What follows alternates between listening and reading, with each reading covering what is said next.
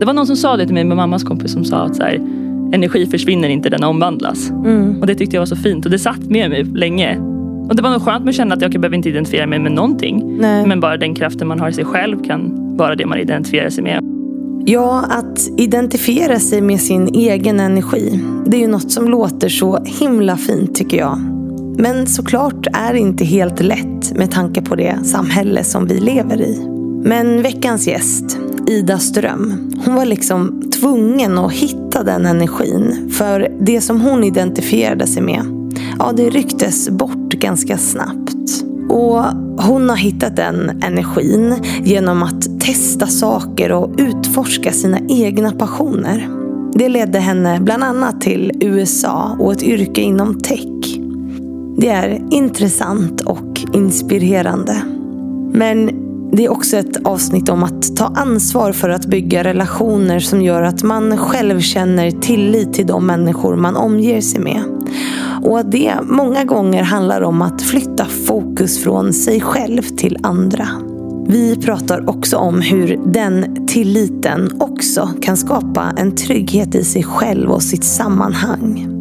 Och det i sin tur, ja det gör ju att du faktiskt kan skapa förutsättningar att våga stå upp för dig själv och på så sätt bygga en kontext som passar just dig. Och innan vi drar igång avsnittet så ska jag precis som vanligt tacka Excitec. Fantastiska Excitec som fortsätter att sponsra podden och därför gör det möjligt för oss att fortsätta ta del av de här otroligt intressanta gästerna.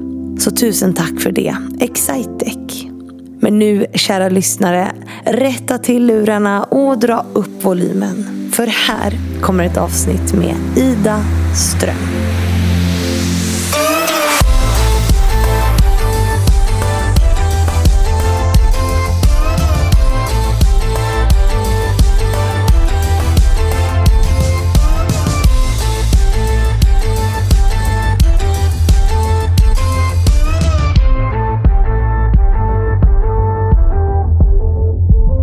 Så vi säger hej och varmt välkommen till Ida Ström. Hej!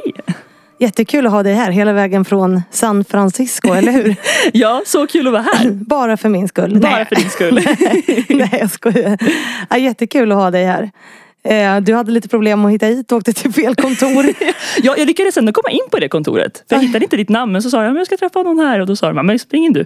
Spring in Så du. jag kom in men, ja, Men- nu är jag här äntligen. Men ingen, ingen annan, ing- eller inte på rätt ställe. Nej, helt fel ställe. Men det finns två precis bredvid varandra. Ja. Så du, du är ursäktad eller på att säga. Och nu är du här. Ja, Och alla gäster som kommer hit, de brukar ju få börja med att introducera sig själva faktiskt. Eh, Så jag tänker att du ska få, få börja med ja det. så kul. Ja, jag heter Ida och jag är produktdesigner på ett fintechbolag i San Francisco som heter Mercury. Vi bygger en bank för startups och techbolag. Mm. Och eh, jobbat som det nu som produktdesigner i, jag tror att det är tre år ungefär. Mm. Flyttade till USA 2016 för att gå på college.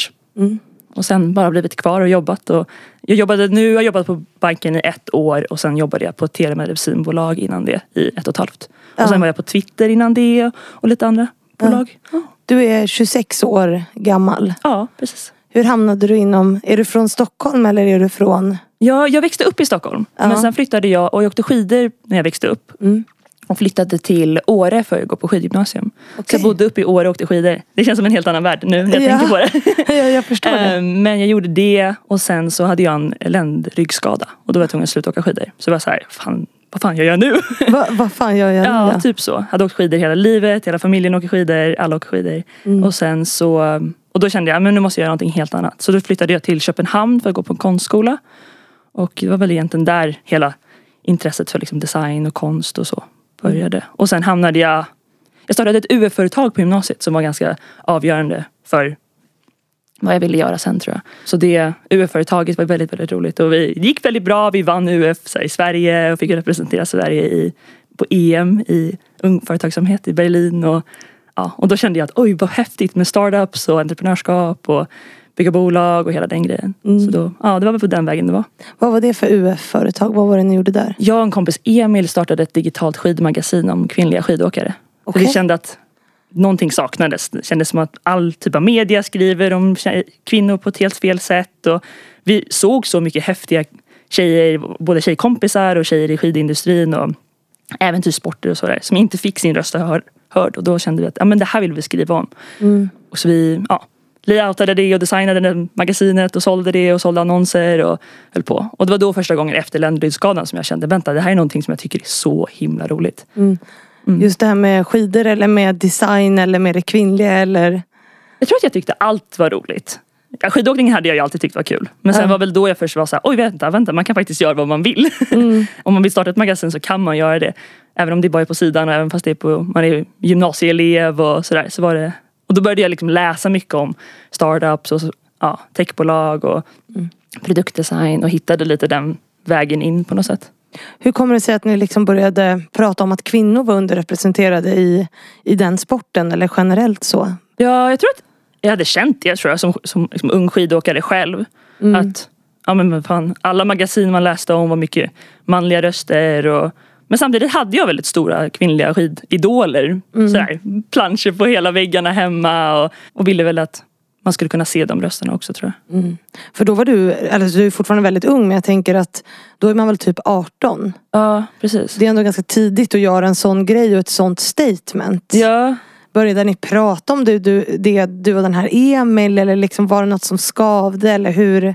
Ja, jag tror att jag började väl prata om det och sen Emil var, är en nära kompis och vi pratade om ja, vad, kan vi, vad kan vi göra med det här UF-företaget. Man fick ju möjlighet att göra någonting på gymnasiet. Och, eh, så frågade jag väl honom att så här, "Men skulle du vara på att göra det här? Och Han var väldigt duktig på så här, eller är väldigt duktig på designprogram. Och, och så. Så då Emil var så här, ja, men fan, låt mig tänka lite på det. Och sen så kom han tillbaka och var så här, det här lät jättekul, vi kör. Mm. Och då, jag tror vi tog UF så extremt seriöst. De flesta kanske gör någon liten grej och så är det inte mer med det och så hoppas man på att man tar examen och så gör man något annat. Men för oss var det, och då när jag hade ont i ryggen också hade jag inte någonting annat att göra. Nej. Så jag satt uppe, jag gick upp på skidgymnasiet uppe i Åre och hade inte så mycket annat att göra. Så jag, så här, tog det så otro, jag la alla mina timmar på det där istället för att, och så sket jag allt annat i skolan.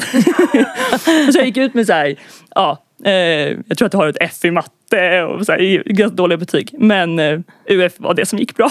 UF var det som gick ja. men det är ju inget dåligt det heller. Nej, det var Va- kul. Var började ni någonstans då? Att liksom designa och sen börja intervjua massa kvinnor eller vad gjorde Ja, ni? vi gjorde väl det. Och sen så var det lite sådär egos, alltså, från mitt håll också. Jag ville verkligen träffa dem som jag har sett upp till väldigt länge. Så man skickade Ja. meddelanden på Facebook och några av så stora amerikanska skidåkare som vi fick tag på. Och många var väldigt exalterade för att hjälpa till Ja. och vara med. Och så, där. så vi gjorde det. Och sen så började vi bara sälja annonser. Och det Mm. var väl där jag tyckte det var väldigt kul också med hela den sälj grejen. Vad tyckte jag var roligt att ringa samtal och försöka få eh, med folk och sådär. Och sen är ju år en väldigt entreprenöriell liksom, by överlag. Mm. Och många som ville vara med och hjälpa till och såg väl glöden vi hade. Tror jag. Och, st- och stötta det där liksom. Ja, ja men det var många som hoppade in men jag, så här i efterhand när man blir lite äldre som jag, så här, de försökte nog bara vara lite snälla. Men det var ju jätteuppskattat då.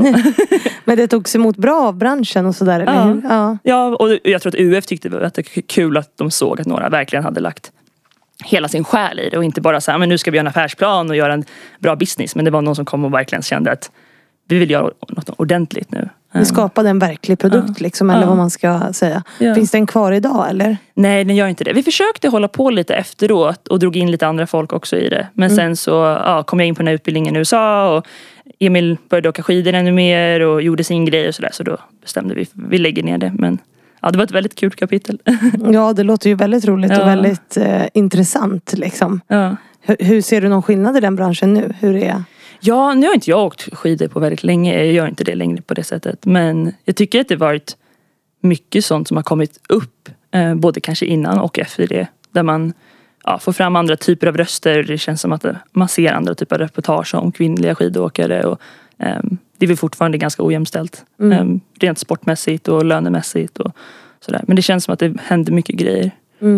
mm. Förhoppningsvis i rätt riktning. Men mer kan ju alltid göras. Och borde göras. För skidbranschen har jag aldrig liksom varit inne i så. Eller jag har aldrig varit så intresserad av skid, skidor så direkt. Eller sport överlag. Mm.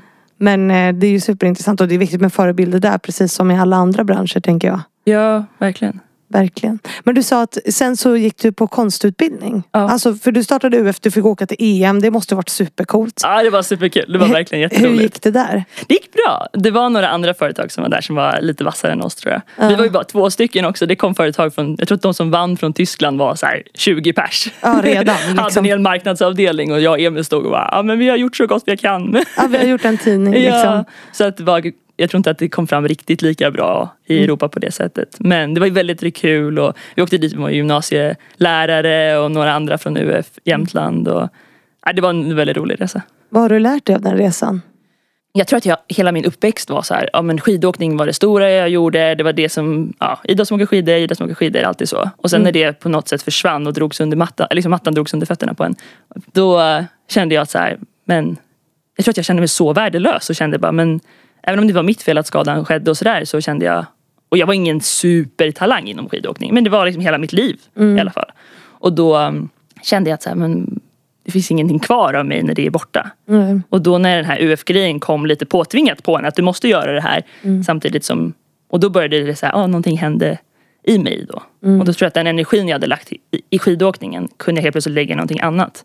Så att det, ja, jag var ju ganska ung då men jag lärde mig ganska snabbt att okay, men den här energin går och, Det var någon som sa det till mig med mammas kompis som sa att så här, energi försvinner inte, den omvandlas. Mm. Och det tyckte jag var så fint och det satt med mig länge tror jag. Så då var det så här, ja med det i magasinet så var det, jag lärde mig otroligt mycket. Det var en väldigt stor del av min egen utveckling tror jag. Ja men och något som du identifierade dig med då istället för just skidåkningen på Ja. något sätt.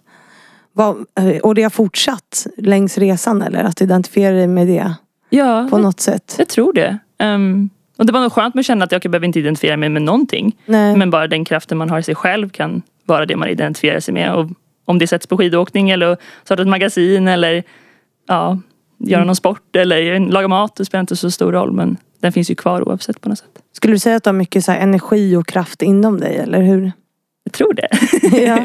ja, ibland så märker man man kör slut på sig själv tror jag. Då känner man måste ja, få tillbaka den energin. Men ja, det känner jag ändå. ändå. Mm, Var kommer den ifrån? Vet du det? Bra fråga. Nu blir jag psykolog här. Jag växte upp i en familj med mycket energi tror jag. Mm. Jag har en mamma som har massvis med drivkraft och en pappa som har massvis med drivkraft och tänker jättemycket båda två och otroligt fina människor. Och Mm. ja, varit runt fina människor tror jag. Det har liksom format dig på något Ja. sätt. På det sättet. Ja, det känner jag. Mm. Så jag tror att ja, uppväxten på det sättet har fått mycket energi och kraft och sen ja, utmaningar man har stött på också i livet och kriser och, och så har gjort att man har blivit starkare. Mm.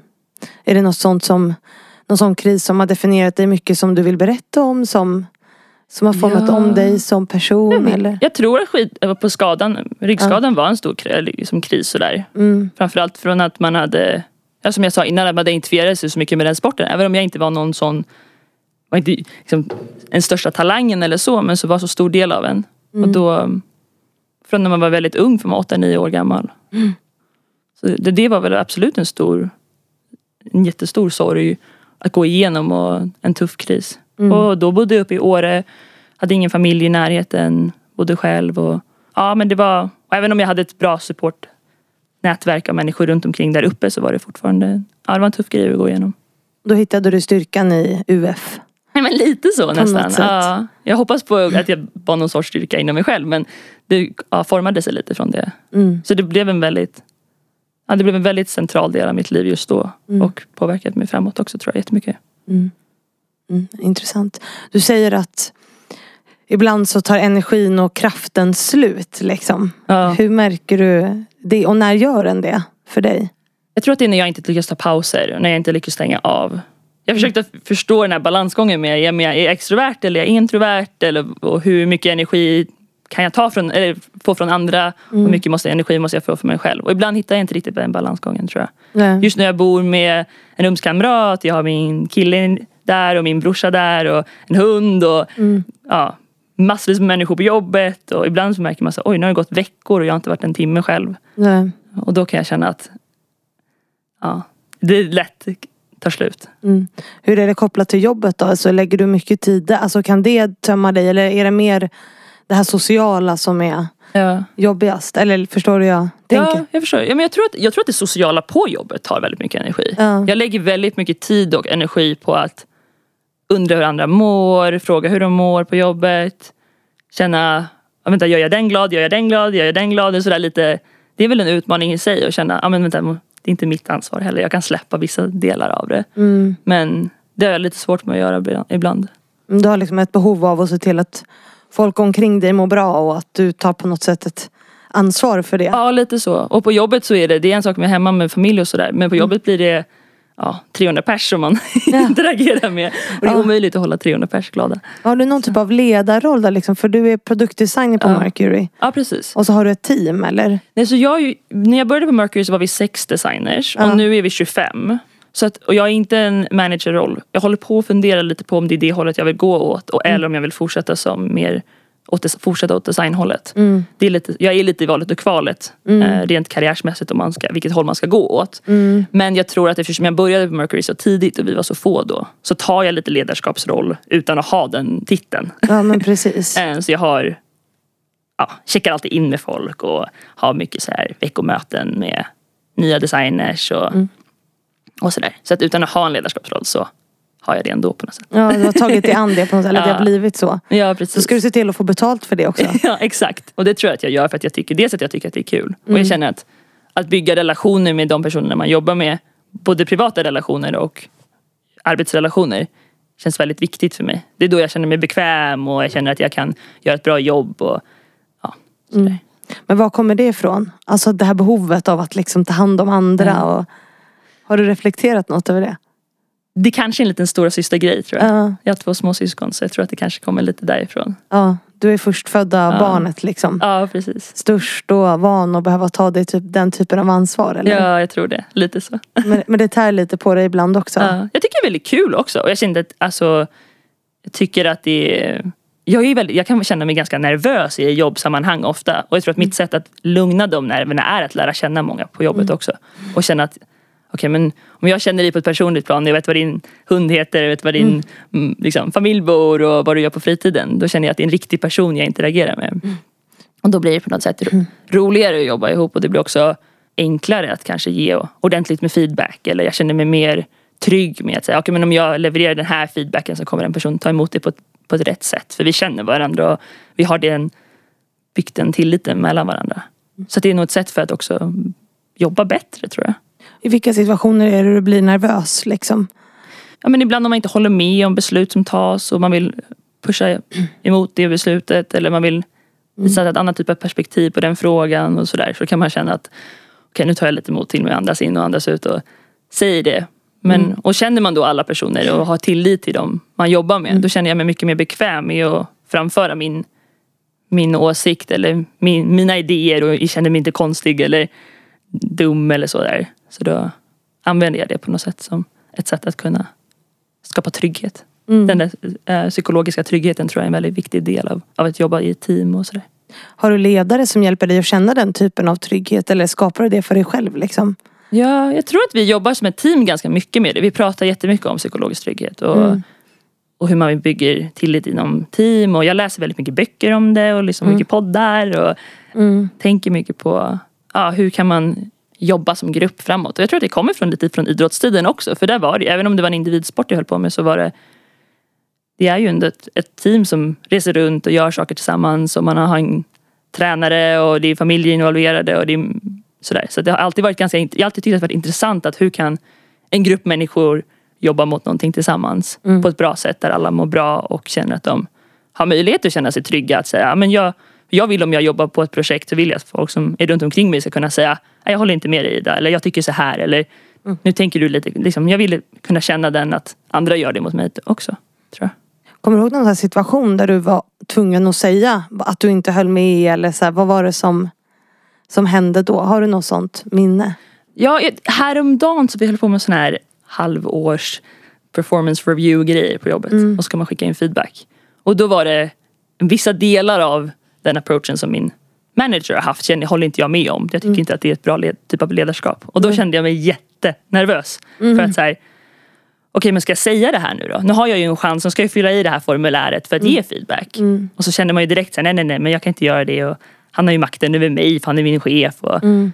Men jag tycker också att alltså, det är så himla viktigt att känna att feedback är på något sätt min, den högsta, högsta hönset säger alltid feedback is a gift Mm. på jobbet. Att så här, du ger ju någon annan möjlighet att utvecklas också. Om du inte ger den feedbacken så kommer inte den personen heller veta om det. Det behöver inte nödvändigtvis vara kritik bara för att det är feedback. Och, det är, ju- och det är ju modigt att ge feedback till någon som har makt Ja. över en. Och det tror jag att många, alltså, många fler behöver göra. Mm. Att liksom ge sina chefer feedback på ledarskap och sådär.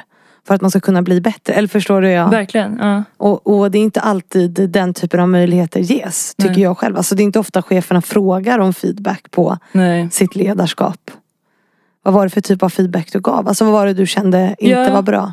Nej jag kände nog att, för det här var en, en ny chef som precis har börjat. Och eh, nu känner jag mig bekväm att prata om det för att den här feedbacken också har levererats. ja.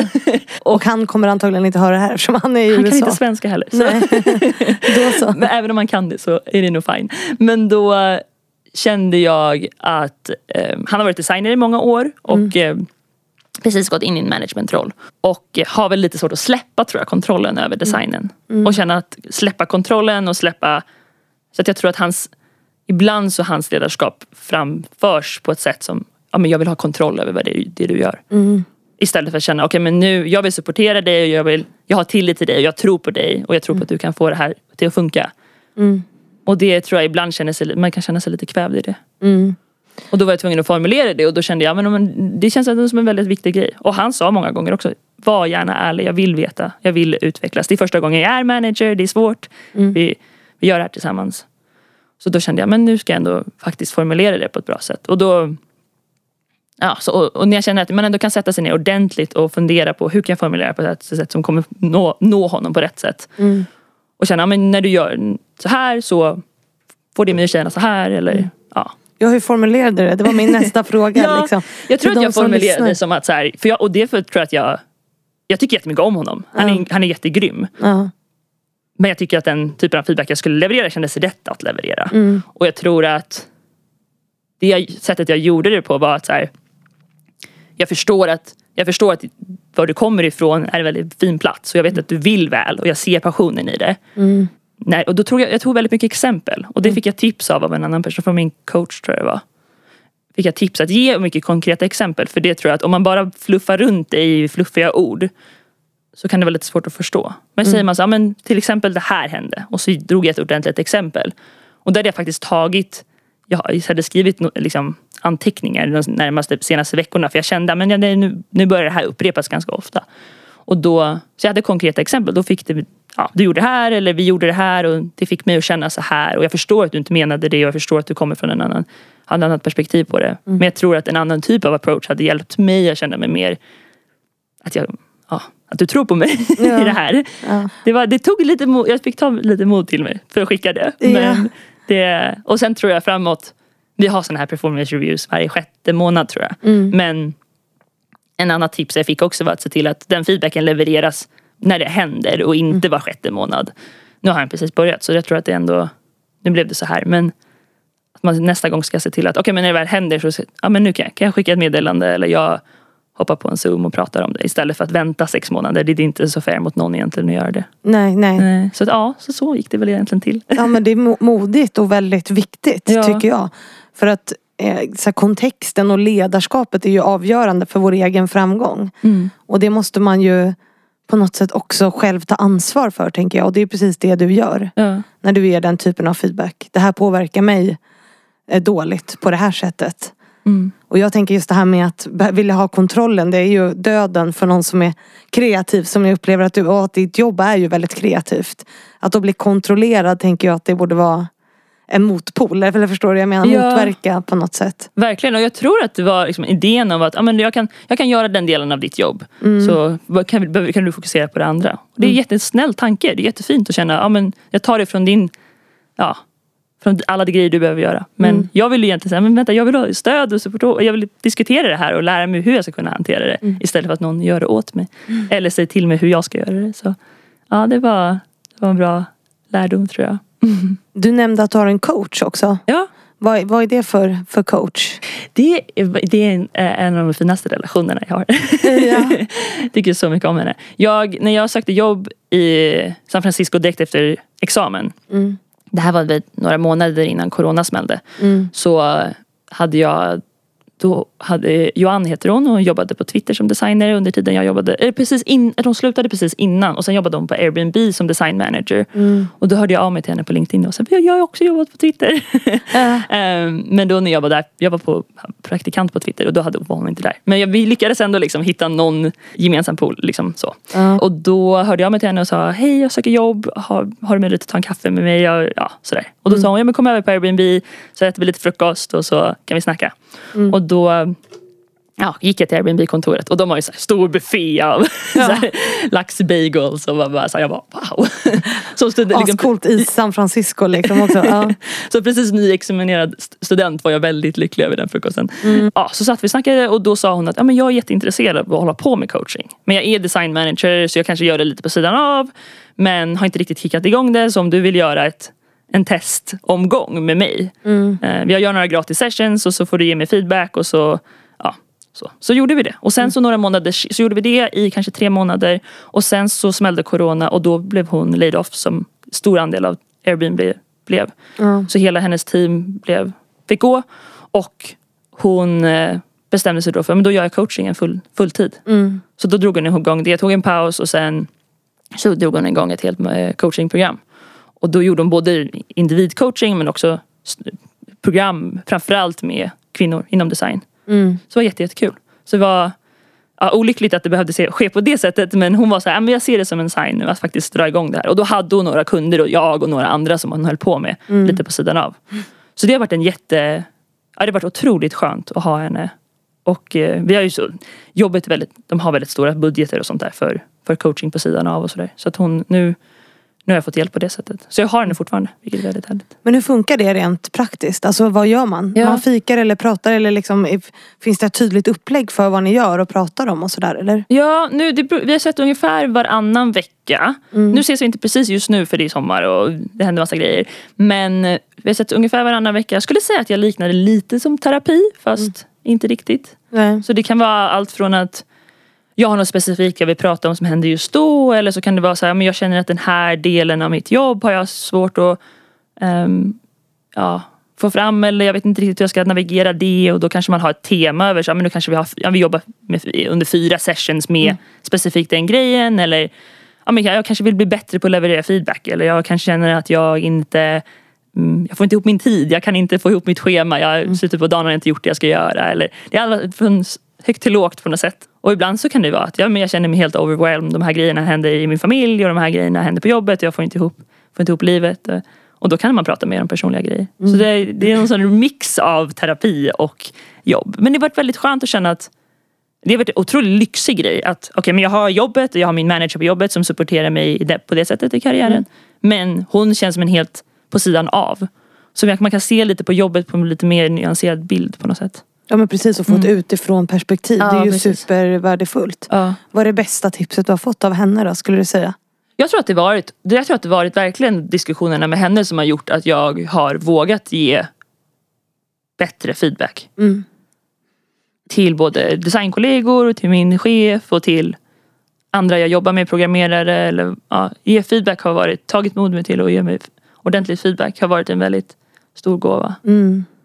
När jag började sådär som ung designer, man var från Sverige och på visum, man kände sig otroligt så här skör. Och sårbar Ja, på och något så- sätt i maktförhållande på något sätt. Ja, verkligen. 100 procent.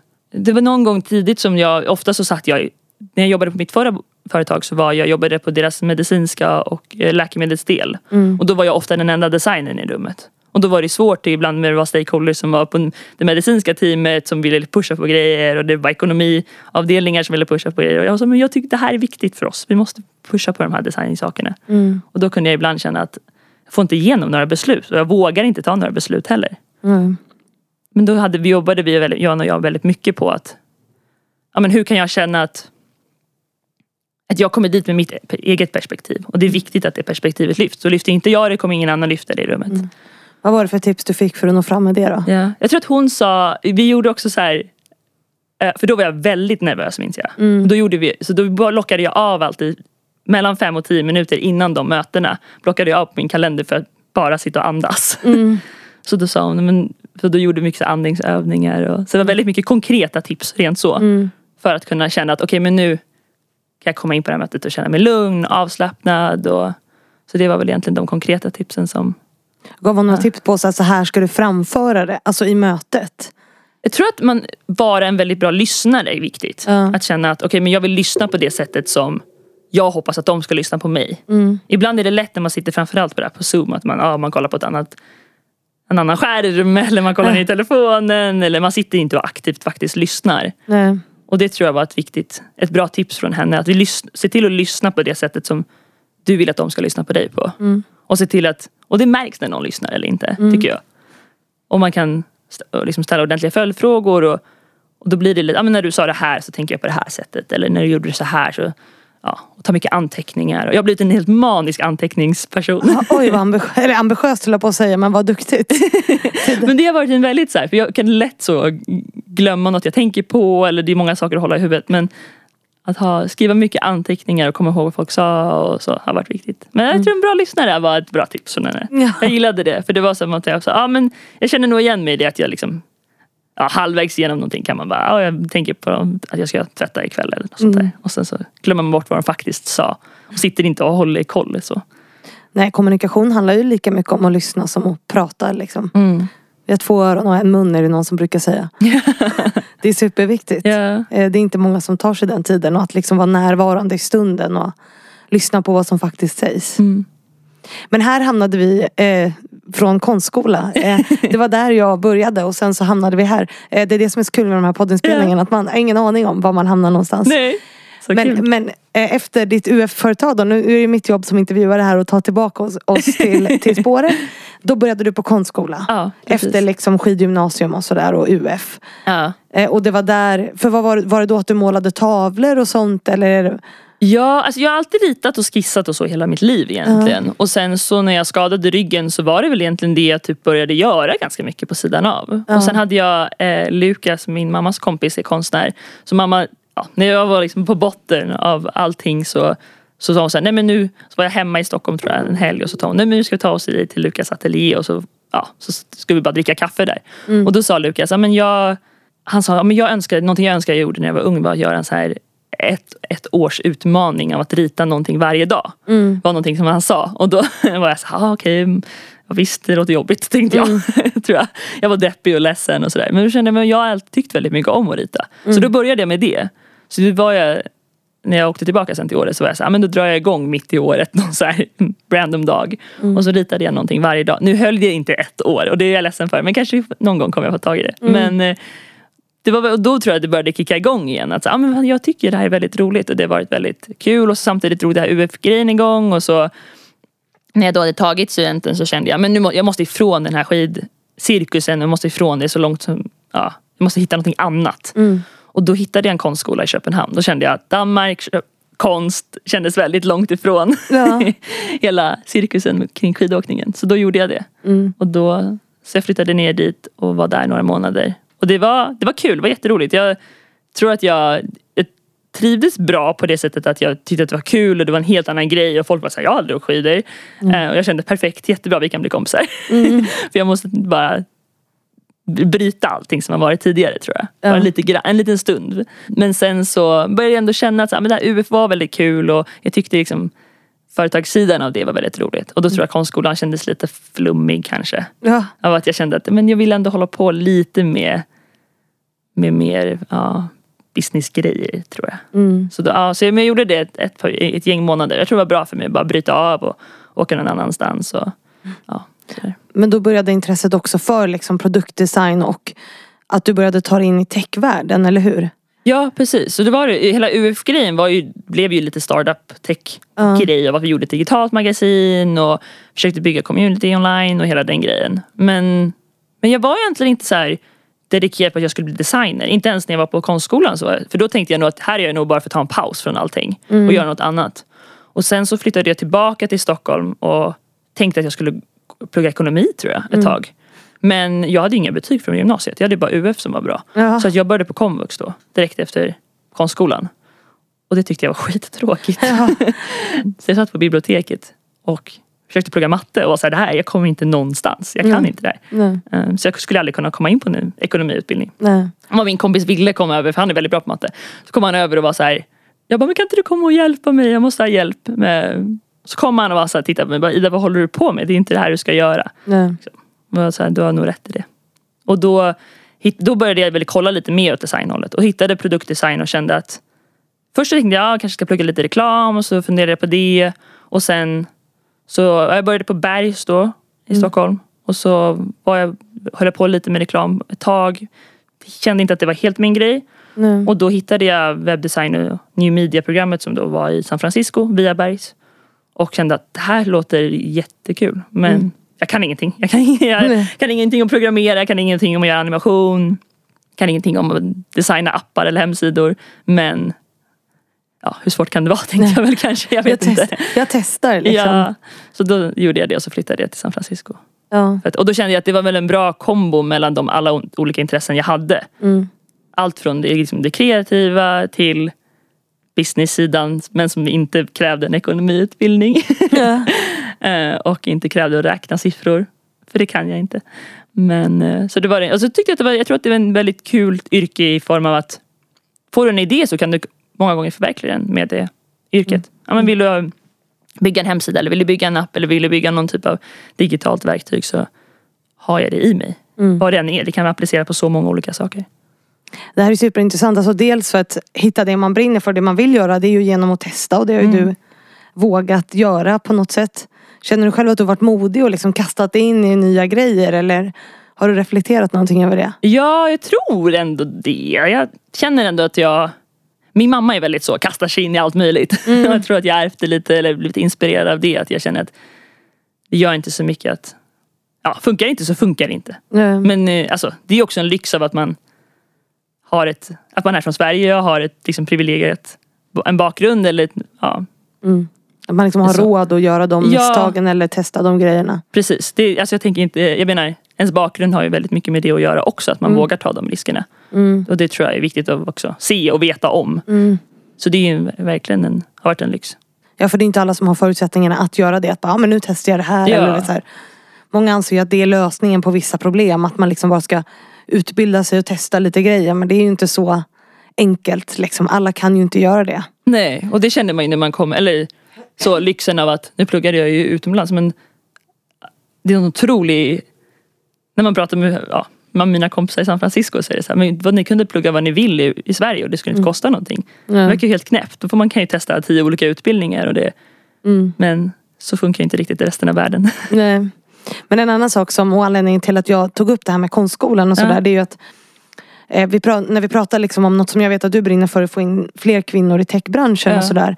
Är ju att det här kreativa är någonting som man eh, kanske behöver prata mer om. Mm. Att det är en ganska stor del av techbranschen Ja. så att säga. Vad tänker du om det? Ja men verkligen och det tror jag att så här, jag såg mig aldrig som en person som skulle bli programmerare. Jag tror att den bilden av en, när man växer upp och går på gymnasiet så en bild av en programmerare, det, det, var, inte, det var inte jag i alla fall. Eller gå en ingenjörsutbildning kändes långt borta från en, ja men så här, jag är inte godkänd i matte på gymnasiet. Alltså hur skulle Nej. jag kunna gå och göra en sån grej? det kändes väldigt, och det kändes inte som någonting som var ett intresse jag hade heller. Men, eh, och då hitta den vägen in i tech genom design har varit väldigt, väldigt, väldigt kul. Mm. Och jag tror att det är jag tycker att det är jättekul med både programmering och design och skulle nog aldrig kunna tänka mig att det skulle vara roligt. Nej. En bank och jobba på finansgrejer var ju så långt ifrån mig så det gick inte ens att... Föreställa sig. nej exakt och då Men då, alltså jag tror verkligen att design har varit och jag tror att det går att Jag önskar att det går att pusha lite mer på det. Mm. Nu, blir det, nu kommer lite mer starka designutbildningar som får fler folk in i tech. Mer och mer tycker jag man märker. Men det är fortfarande en ganska sådär men det känns ändå ganska, inte, det är ganska långt borta. Det är ganska mycket kompisar framförallt i USA som är såhär Jobbar, liksom, jobbar du på tech din art degree? Typ så. Ja. De får inte riktigt ihop det Nej, de får, exakt. För där Nej. är det ju väldigt så här, du ska plugga liksom en ingenjörsutbildning eller en programmeringsutbildning och Mm. sen kan du komma in i tech. Mm. Men det går ju faktiskt också att komma genom designvägen. Mm. Och design är en jättestor del av liksom, användarupplevelsen och stor del i många bolag där borta. Och här, Mm. eller överallt. Hur var det att liksom plugga det här i USA? Var det mycket kvinnor eller var det blandat? Eller hur? För du bara tog ditt pick och pack och nu låter det väldigt enkelt Ja. men det är säkert mycket bakom det. Ja. Men, men du tog ditt pick och pack och drog till San Francisco och pluggade liksom. Hur var det? Nej, men det var så roligt. Jag Ja. kände, jag kan fortfarande så komma ihåg när jag landade första gången och var så här: wow. Ja. Tyckte det var världens största grej, vilket det var ju också. Ja. Men samtidigt så var det väl lite sådär också, ja vi testar, vi ser om det funkar och så funkar det inte så funkar det inte. Ehm, men och sen så gjorde jag ju det via, det var via Berg så det var ett gäng svenskar redan där som Mm. hade pluggat tidigare och som kom med mig den terminen och sådär. Så att jag kände att det var inte så, det låter läskigare än vad det var tror jag. Mm. men ehm, ja, det var ändå spännande när man kom in på, jag, på den delen jag läste webbdesign och new media, den Mm. utbildningen var det inte så många via Berg som läser. Nej. Utan det var bara jag och någon till sådär. Och så var det några som hade pluggat det några år tidigare. Mm. De allra flesta pluggade reklam när de kom till San Francisco. Så det var, jag kände mig lite så här, wow, okej, jag är lite ensam på mitt hörn här. Men det tror jag var ganska skönt. Jag var ganska glad för det. Ja. Att känna att då hittar jag lite mig själv i det här. Jag behöver inte, ja, vi behöver inte komma som ett helt pick och pack sådär. Liksom. Men hur funkar det? Fick du fixa någon egen lägenhet då eller fanns det? Ja, Eller nej, det är hela, ja, egen lägenhet och hela köret från början. Ja, det, du gjorde man, det. man fick något nummer, hoppade in i någon bil och körde runt och hittade. Ja det är sant. ja, Alltså, så du bor själv där liksom i någon lägenhet då? Ja, jag har bott, jag bott med, jag har haft rumskamrater hela tiden. Ja. Eh, så, alltså den pris, priserna i San Francisco, man har- kan inte riktigt bo ensam. De flesta bor med två, tre, fyra pers. Ja, det är så Eh, pass dyrt liksom. Ja, det är så pass. Så, vilket också varit skönt. Jag tycker det är väldigt, det är kul också. Mm. Ja. Men hur hur har det varit med könsfördelningen där på utbildningen? På min utbildning var det absolut flest killar. Mm. Um, många, mycket internationella studenter. Um, men eh, ja, flest, absolut flest killar. Men det var ändå ett gäng, ett gäng tjejer också. Mm. på, på, som jag pluggade webbdesign och då var det väl jag som höll på med lite mer åt designhållet och Mm. produktdesign. Sen var det ju många på vår utbildning som blev sen ja, programmerare eller animators eller liksom höll på med sådana saker också. Så det var en ganska bred utbildning inom ja, digital design. Man kunde göra lite vad man ville. Mm. För jag har ju någon sån här bild av att USA är ganska alltså konservativt när det kommer till könsroller och liksom att det kanske är lite svårare och kanske framförallt i den världen att göra karriär som kvinna. Mm. Men för det här är, det är Silicon Valley eller Ja, där du precis. är. För där kanske det är lite mer nytänkande. Jag vet inte. Du får Nej. gärna berätta eh, hur det är. Ja, alltså jag tror att det varit, det är absolut flest mm, alltså manliga programmerare, techgrundare, absolut, det är ju en, en stor majoritet. Och det har ju med problemet att göra att inte, de, det inte investeras tillräckligt mycket pengar i, i kvinnliga grundare och kvinnliga te- techbolag och startups.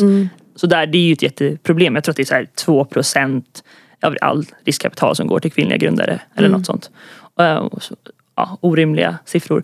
Men, eh, och det är ju alla bolag jag har varit på har varit grundade av män och sådär. Så det har verkligen varit man har fått hitta sina liksom, delar av det där man hittar kvinnliga förebilder. Och det tror jag är en viktig del för mig. Nu det här bo- Mercury som jag är på nu, hon som är VP of design, hon är, eh, hon är från Ryssland och heter Juliana och har varit en stor, jättestor förebild för mig. Och liksom klättrat från designer upp till liksom, högsta hönset.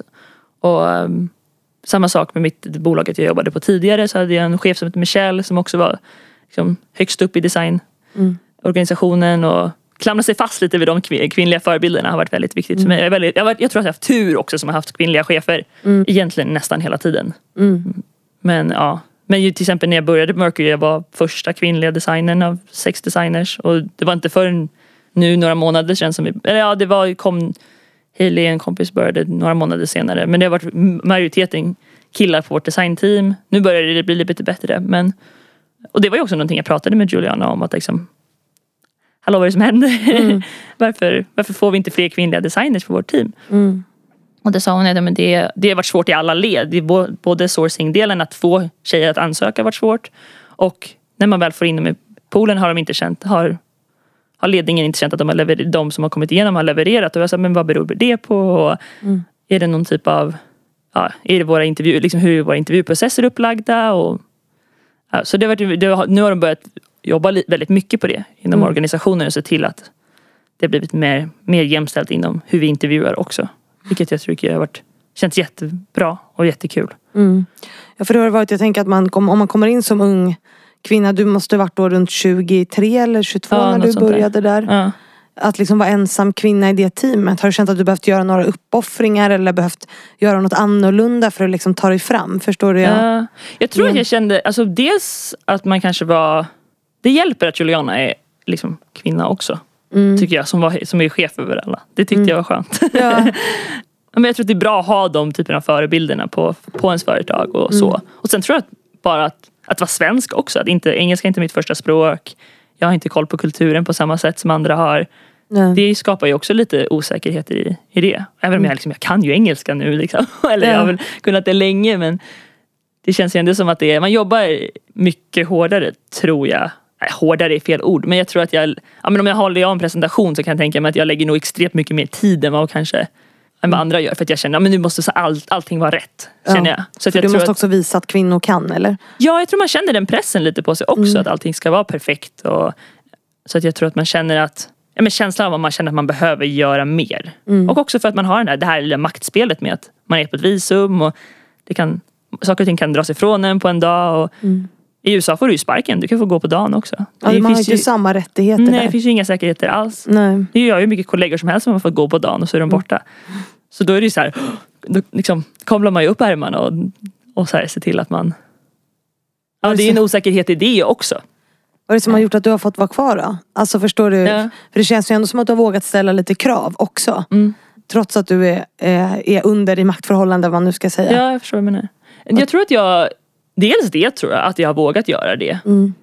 Jag tror att det uppskattas väldigt mycket. Och det säger ju många, eller de grundarna på vårt företag är väldigt så här. Vi förväntar oss att ni liksom pushar tillbaka. Och Mm. vi förväntar oss att få tuff feedback och, och sådär. Mm. Så då tror jag att man känner så här. Jag har ändå känt att de har skapat en kultur på jobbet där det finns space för det. Mm. Jag känner när andra gör det så känns det enklare att göra det själv också. Mm. Det tror jag har hjälpt. Och sen så tror jag att jag har lagt, som jag pratade om innan också, att så här, lagt väldigt mycket tid och energi på att bygga de relationerna jag har på jobbet. Att Det har varit en stor, stor del i det också. Att Du har nätverkat liksom. Byggt Ja. ett starkt nätverk Ja, det internt. känner jag ändå att jag verkligen Jag tror att jag ändå känner att jag har en genuin glädje och så här, vill lära känna folk och tycker folk är nyfikna. Eller jag jag blir nyfiken på så här, jag vill lära känna dig, jag vill försöka förstå din roll eller, och sådär. Och det tror jag hjälper också att försöka inte bara så här, ja men jag vill fokusera på min designgrej och göra det jobbet bra utan jag vill så här, tänka på hela företaget och vad, vad är det som händer och vad är det vi håller på och bygger och hur mår alla team och lagt mycket tid och energi på det. Ja men att bygga allianser på Mm. något sätt. Men i det här eh, steget att liksom bli bättre på jämställdhet som du förklarade att de har börjat jobba med Ja.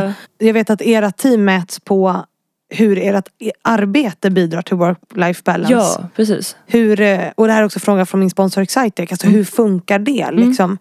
Och är det ett steg i det här att bli mer jämställda? Förstår du vad jag menar? Ja. Nej, för då, det jag, på den designdelen jag är så leder jag allt arbete på att bygga interna mjukvaror egentligen. Mm. Så du, Mercury är en bank för startups och sen så vi bygger allting inhouse med all kundtjänst mjukvara och all så här, fraud och investigations och compliance grejer. Mm. Nu slänger jag med massa engelska buzzwords känner jag. Men, men Ah. Det är eh, okej, de finns i Sverige också. Ja, men så här, jag Allt känner är ju bara- typ amerikanskt i Sverige också så det är lugnt. I alla fall inom Ja. IT-branschen. Ja men precis. Och då, så vi bygger egentligen, så det designteamet, jag, eller det teamet jag är på. Vi, vi är ett designteam och sen är vi utspridda på olika produktteam. Så att de programmerare jag jobbar med och så är det jag som är den designern. Och några andra roller. Som bygger, vi bygger bara mjukvara för Mercurys interna team egentligen. Så vårt kundtjänstteam och vårat, eh, ja, vårat team som jobbar med fraud. Så då, vi är en neobank och liksom en, en fintech digital bank så är ju fraud en väldigt, väldigt stor del av att ja, försöka lösa det problemet. Och eh, många hackers och sånt som försöker ta sig in. Och då bygger vi mjuka för Och då är en väldigt stor del av det är att okay, vi, bygga, vi bygger produkter för att deras jobb ska bli så absolut effektivt och enkelt som möjligt. Men också att de kommer från branschen. Många av dem som vi jobbar med har ju 10-15 års bankingerfarenhet med helt fruktansvärda mjukvaror som aldrig har uppdaterats och aldrig brytt sig om, aldrig fått en fråga om vad tycker du om den här designen? Eller hur kan vi göra ditt jobb enklare eller bättre? Eller så. Så det har varit väldigt roligt egentligen. Att, och det är väl därför jag tror att hela den här relationsbyggande grejen har också varit en stor del av mitt jobb. För att min stora del av jobb är, är att prata med vårt kundtjänstteam på 40 personer och vara så här, hej, vi ska bygga grejer för er och göra ert jobb enklare och bättre. Och, och då är ju många gånger som de, som de grejerna som dyks upp och frågorna som, de, eller som vi ställer och svaren vi får är att så här, på slutet av dagen känner jag mig helt slut. Jag har, min skärmtid är helt galen och jag känner att det är liksom i, ja, mina ögon är helt slut. eller Ja. det är för mycket siffror och den här saken gör att jag blir helt trött av det. Eller bara att mjukvaran inte funkar som den ska göra. Ja, jag måste scrolla på det här sättet eller jag blir trött i armen av det här. Och så att vi vårat resultat av det vi bygger mäts ju mycket av det. Både det, ja, kvaliteten av liksom deras, deras jobb och hur de mår. Och hur de trivs i deras roller. Så att det, det är därför jag tror att jag hamnar mycket i också diskussioner av att så här, ja, men hur mår du och vad gör, men vad gör du på fritiden? Eller vad, hur mår du? Eller vad, hur är din roll? Var kommer du ifrån? Och, så det är absolut en stor del, design är ju det jag gör men det är också väldigt mycket research, väldigt mycket intervjuer och sitter och pratar och försöker förstå vad de behöver för att göra sitt jobb bra och känna också mening i sitt jobb. Det är ganska tråkigt att sitta ja, men nu måste jag klicka på den här grejen åtta gånger för att den här saken funkar inte. Nej. Men om jag, vi bygger bra mjukvaror för dem så kan de ju göra ett bra jobb ifrån sig också. Så många frågor är så här, och saker vi gör är så här, men vad, vad är det roligaste med ditt jobb? Vad är det du älskar att göra? Hur kan vi liksom göra den upplevelsen bättre? Det där är ju superintressant för den där aspekten tycker jag ofta man glömmer. Alltså att se det mänskliga i systemen bakom de här interna systemen som man har överallt. Alltså jag vet, för mig som har jobbat på lite större bolag innan man säger, ja, men kolla intranätet eller gör sig och så, här kommer informationen ut eller har du inte läst det här? Man bara nej för att jag funkar inte så. Nej. Så systemen måste ju vara anpassade som du säger utifrån målgruppen på något sätt. Så det där är ju superintressant. Det är ju väldigt många som glömmer det. Mm. Och, och det knyter ni ihop med work-life balance på något sätt. Hur mäter ni det? Alltså hur följer ni upp Ja, att det funkar? Dels så gör vi mycket, så här, eh, mycket intervjuer. Vi sitter kanske, okej men nu vet vi att det här är ett stort problemområde så då intervjuar vi 10-15 personer på det kundtjänstteamet eller på fraud-teamet. Och är så här, men vad, hur skulle du vilja att det funkade på ett annat sätt? Eller ja, ställer mycket frågor och gör mycket så research studies kring det. Och sen så bygger vi de mjukvarorna utifrån det behovet och sen efter så följer man upp då kanske några veckor senare. Så här, ja, nu vill vi göra, då testar vi vad de, vi sitter då så bara eh, kollar när de använder systemen också.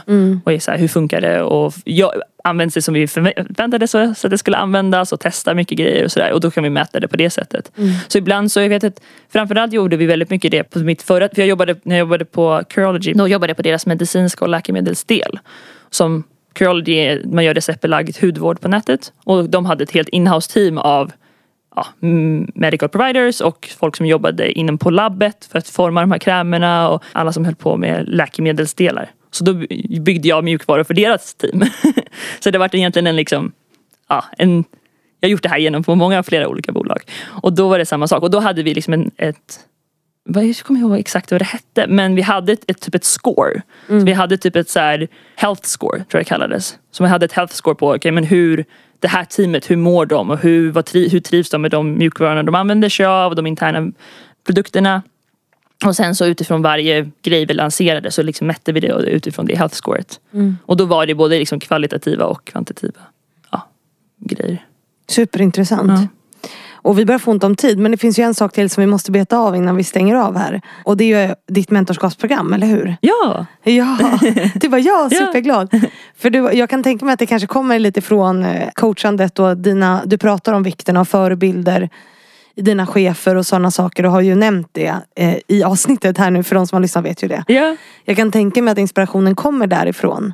Men eh, vill du berätta mer om det mentorskapsprogrammet som du har startat? Ja, nej, men jag har startat ett mentorskapsprogram som heter Mind to Mind. Ja. Och eh, som riktar sig till kvinnor inom design. Och eh, där jag, egentligen, hela idén var, grundade sig i att men hur kan vi, som jag pratat om tidigare, här, hur kan vi connecta fler kvinnor inom design, både som är, sitter högre upp och de som precis har kanske kommit in i industrin eller fortfarande är studenter.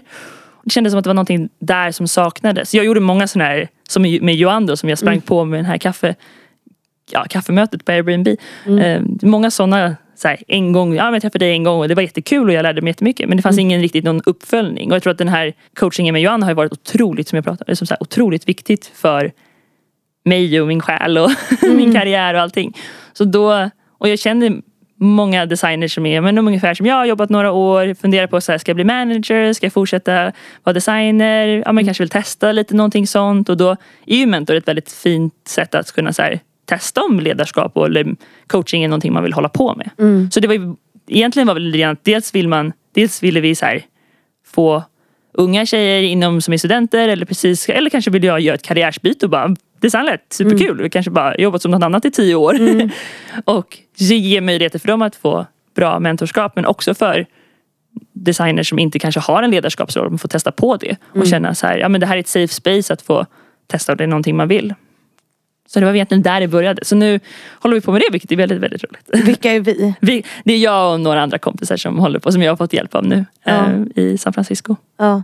Så det är liksom i USA och inte i Sverige? Eller hur? Kan man liksom göra det cross? Ja, det är egentligen vem som helst kan ansöka. Ja. Eh, Det är väl en språkbarriär beroende på vem man, vem man blir ihopsatt med. Ja. Men man fyller i ett formulär på hemsidan och så fyller man i egentligen så här, vad, men vad, vad jag är intresserad av och vad för typ av mentorskap jag är ute efter och vem jag Mm. är och sådär. Och nu har vi, precis- håller vi på att välja ut några till första rundan av mentorskap. Mm. Och sen så kommer vi nog göra en liknande runda om några månader ser det ut som nu. Mm. Eh, Och då, så för oss så blir det någon sorts en matchning mellan, okej men den här men, som ansökt om att bli mentor har ungefär det här, vill göra den här grejen och så ser vi att den här personen vill ha mentorskap och så Mm. hittar vi då en länk mellan dem. Vilket var jättekul. Ja, det är Ja. jätteroligt. Ja, det är väldigt roligt. Det känns kul att få göra någonting så här på sidan av och få bygga upp någonting som jag också känt att jag, jag har fått så mycket ut av själv.